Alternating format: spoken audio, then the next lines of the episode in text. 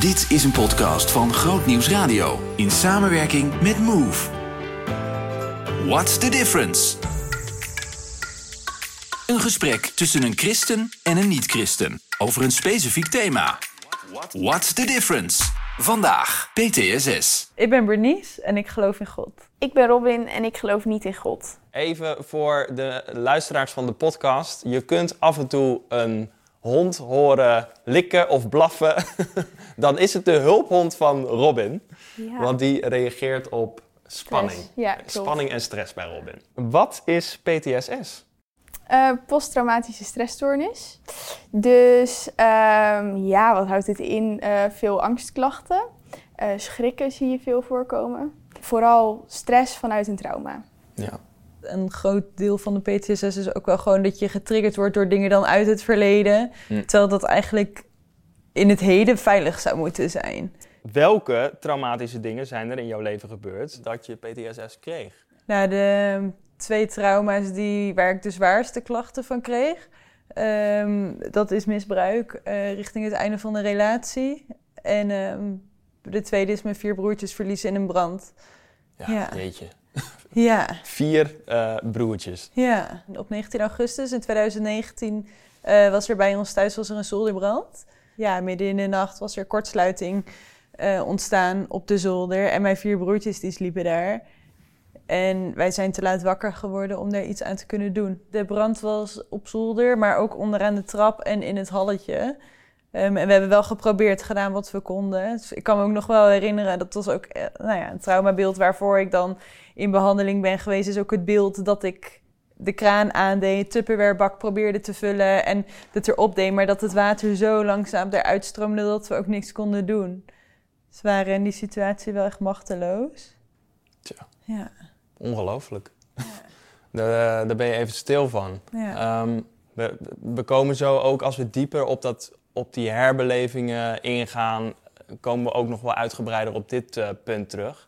Maar je noemde ook iets over ehm, seksueel misbruik. Ja, ik vind even dat moeilijk om zeg maar tot in detail Mhm. te delen, omdat het zo'n kwetsbaar onderwerp is. Mhm. Eh, maar ik kan wel zeggen dat er, nou ja, dat er zo vaak over mijn grens is gegaan. En dat ook toen mijn lichaam ziek was, eh, ik had ontsteking in mijn buik. eh, op een gegeven moment richting het einde zoveel overspanningsklachten. En dat eh, toen ik aangaf dat, dat, dat ik het niet wilde. ehm, wat ik sowieso al niet wilde. Maar goed, na heel veel manipulatie is daar gewoon overheen gegaan. Ehm, en raakte ik steeds overtuigd om dan wel te gaan. Terwijl ik het eigenlijk niet wilde, is dat gewoon nou ja, echt heel traumatisch geweest. We, we gaan daar zo meteen gewoon even iets dieper op in. Ehm, ik ben namelijk ook benieuwd wat, wat, er bij jou, wat er bij jou is gebeurd, wat voor PTSS zorgde. Ja, eh, ook seksueel misbruik. En eh, ja, een slecht verleden in mijn jeugd. En daar kan ik niet heel veel verder over zeggen. Maar eh, ik heb niet de meest stabiele gezin gehad. Seksueel misbruik is Mhm. natuurlijk heel breed. Ja. Ook eh, de dingen die je in je jeugd hebt meegemaakt. Kun je er wel iets over vertellen? Jawel, ik vind het wel altijd heel moeilijk. Want het voelt nog steeds alsof het wel deels mijn schuld is. Vandaar ook... Daar reageert de ja, hond op. Ja, daarom. Ik had een, eh, eh, ook een beste vriend en die ging continu over mijn grenzen heen. En ja, zodoende is dat eigenlijk twee jaar lang doorgegaan. Dan denk je achteraf alleen maar waarom en waarom ben ik niet uit die vriendschap gegaan. Hetzelfde wat jij Ja. vertelde. Echt, heb ja, ik echt dat. alles gedaan? Ja. Heb ik... Ja, Ja. heb je er toch niet zelf eh, een deel ja, wel inspraak in gehad Ja. en heb je wel hard genoeg nee gezegd. Ja. En nou, dat, dat inderdaad heel erg. Ja. En eh, toen ben ik verhuisd en toen is het gelukkig gestopt. Ehm, welke mechanismen heb je jezelf aangeleerd om met je trauma om te kunnen gaan? Vermijden. Ja, echt heel erg. Eh, ik, ik denk, daar hoorde ik jou ook al over. En eh, dat was gewoon het, het ergste wat ik deed. Dus continu, als er iets kwam, dan rende ik ervoor weg. Hm. En de plaatsen waar het was gebeurd, daar wilde ik niet meer heen. En ehm, als ik ook maar dacht dat diegene zou komen of ergens in de buurt van, nou dan zei ik, uh, toekledoki, ik keer me om. Ehm, en ik dook dus gewoon in elkaar op het moment dat het wel te dichtbij kwam en ik kon niet wegrennen. Dan was het gewoon dat ik me echt verstopte nog net niet op de plek waar ik was. Wat voor soort behandeling heb jij dan uh, Ja, gehad? nou, ik heb, uh, omdat het natuurlijk mijn thuissituatie was en ik nog wel thuis woonde, was het niet echt een optie voor mij om de behandeling thuis te volgen. Dus terwijl ik thuis woonde. Ja. Uh, dus ik ben klinisch opgenomen. Ja. En in de kliniek heb ik EMDR gehad, de welbekende Ja. traumatherapie. Ja. Met, de mooie, Ja. met de mooie lamp en alle Ja. kleurtjes en de vragen. Ja. Ehm, en IE en exposure therapie.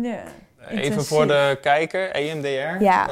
Je zet je eh, geheugen, terwijl je aan de eh, nare gebeurtenis denkt, zet je je werkgeheugen aan het werk. Dus je moet, eh, ja, je hebt, en met vingers, jij deed al heel mooi die. Ja, met lampjes Ja, heb ik hem gehad en met precies. trillen en met geluiden. Ja. Dus allemaal prikkels. En dan moet je nog aan dat beeld denken. En dan elke keer hebt de spanning weg. Dat je gaat het. eigenlijk herbeleven. Ja, ja, je moet herbeleven. Hoe, hoe was dat?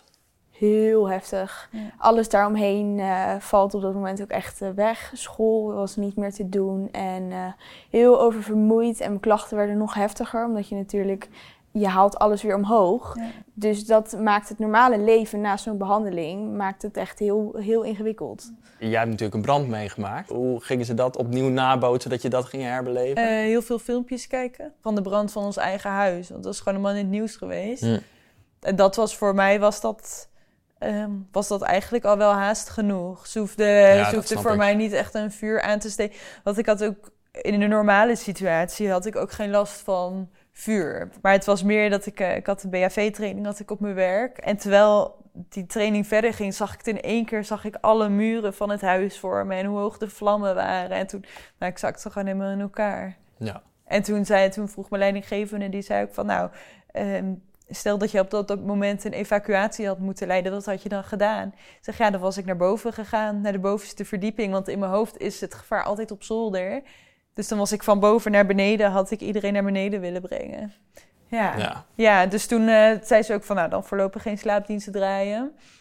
Omdat Ja. je niet kan garanderen. En dan moet je dat dus eerst verwerken, zodat ik als er ergens anders een brand uitbreekt, dat ik dat los kan zien van, van de brand die ik Ja. zelf heb meegemaakt. Kon je je gevoelens en gedachten delen met je omgeving? Met de meeste mensen wel. De grootste groep die kwam dan vanuit de kerk. Die ook echt, eh, die hebben ook gewoon de hele periode, kon ik echt in alle staten naar ze toe gaan. Er is één persoon geweest die heeft gezegd dat ik niet die behandeling aan moest gaan. Ehm, EMDR. Ja, Hm. dus er zijn honderd mensen geweest bij wijze van die gewoon echt gesteund hebben. Echt tientallen. Hm. En nou, één persoon die zei van, nou weet je, moet je niet doen, daar wordt het alleen erger van. En die stem, daar heb ik het meest last dan van gehad. En waarom niet? Waarom zou het niet goed zijn? En nou, dat, dit, dit zou met een paar gebeden eigenlijk wel verholpen kunnen worden. Nou ja. Ja, dat, eh, dat, dat, dat lag wat simpeler, ja. Deze persoon die had dus bezwaar bij eh, EMDR. Je moet gewoon bidden. Ehm, maar dat stukje gebed, hè? Ehm, hoe belangrijk is dat geweest in het hele proces? Nou, ik heb me wel gedragen gevoeld. Zeg maar dat ik het proces aandurfde te gaan. En het betekende dat ze voor me baden. Dat betekende voor mij heel veel. Omdat ik wist dat, nou ja, dat gewoon de liefde die daarvan uitstroomde, dat betekende heel veel. Ik geloof ook echt wel dat met, met trauma's vind ik, voelt dat zo cru om te zeggen, maar dat, dat God ook door alles heen nog steeds dan ernaast wil blijven staan, nog steeds wil troosten, eh, nog steeds liefdevol blijft. Dat heeft er wel voor gezorgd eh, nou ja, dat ik het aan durfde te gaan. Ik kan me ook voorstellen, dat- jij gelooft niet in God, ehm, dat, dat je denkt, hoe, hoe kun jij in God geloven? Ja, klopt. Ja. Ja, Ja. ja, dat klopt wel.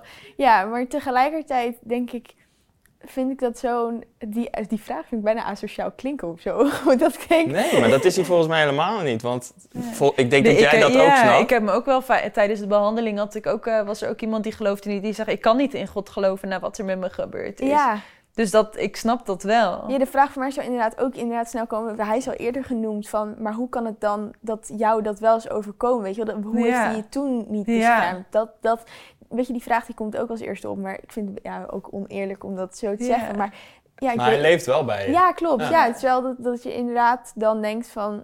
Oké, maar waar, waar was hij op dat moment dan? Ja. Wat mij veel troost geeft, is dat God een God is die zeg maar naast me wandelt in gebrokenheid. Dus ik geloof dat God echt mensen keuzevrijheid heeft gegeven om te doen wat ze willen. En het heeft ook echt wel, mijn waarom-vraag is ook echt wel veranderd in een van... Oké, God, het is gebeurd, maar wat nu? Hoe kan ik nu verder? En wat, wat kan ik nu doen? Ik heb echt heel veel ontstekingen in mijn buik gehad. En eh, ik moest een keer naar de gynaecoloog elke maand. Eén avond was ik weer naar zo'n aanbiddingsavond. En toen was het van, uh, hoorde ik stem van Bernice, ik wil dat je hem vergeeft. En toen dacht ik, nou oké, vergeven, dat is christelijk. En toen was het, ik wil dat je hem vergeeft. En toen vroeg God nog iets anders van me ehm, om te doen. Toen dacht ik, oké, God, nou God, waarom? Maar hè, vooruit. Dus uh, dacht van, nou, ik wil wel vergeven. En het was op een moment dat ik een mailtje stuurde van, hé, ik vergeef het je. Dat mijn hele buik omdraaide. En toen die week erop was ik naar de gynaecoloog gegaan. En toen was alles schoon van binnen. Meen je dus, dat, joh? Ja. Dus ik geloof ook echt wel dat, nou, dat vergeef ik dan ook wel dingen vrij kan zetten. Dus Hm. het was wel, ik kreeg wel, eh, nou ja, wel steeds bevestigingen. Dat ik gewoon wist dat ik er niet alleen doorheen ging. En dat het vanaf toen ook wel gewoon een stijgende lijn zou zijn. Wat, wat denk jij bij ik vind deze het heel dingen? mooi. Eh, ja, ik, ja, ik zelf geloof dan niet. Maar ik vind het wel heel mooi eh, om te horen hoe je dan in zo'n rottijd toch nog dat soort dingen eruit kan halen. Dat vind, ik- dat vind ik heel, heel knap ook. En dat vergeven, hè? Van, eh, van de... Ja. ja. Wat denk je daarbij? Ehm, Oeh, ja, dat vind ik zelf heel moeilijk. Ehm, ik weet niet of ik het hem zou, zou kunnen verge- vergeven. Dus ik vind het heel knap dat jij dat wel kon. wat, wat is je beeld bij vergeven? Ehm, nou, oeh, dat is een hele goede vraag zeg.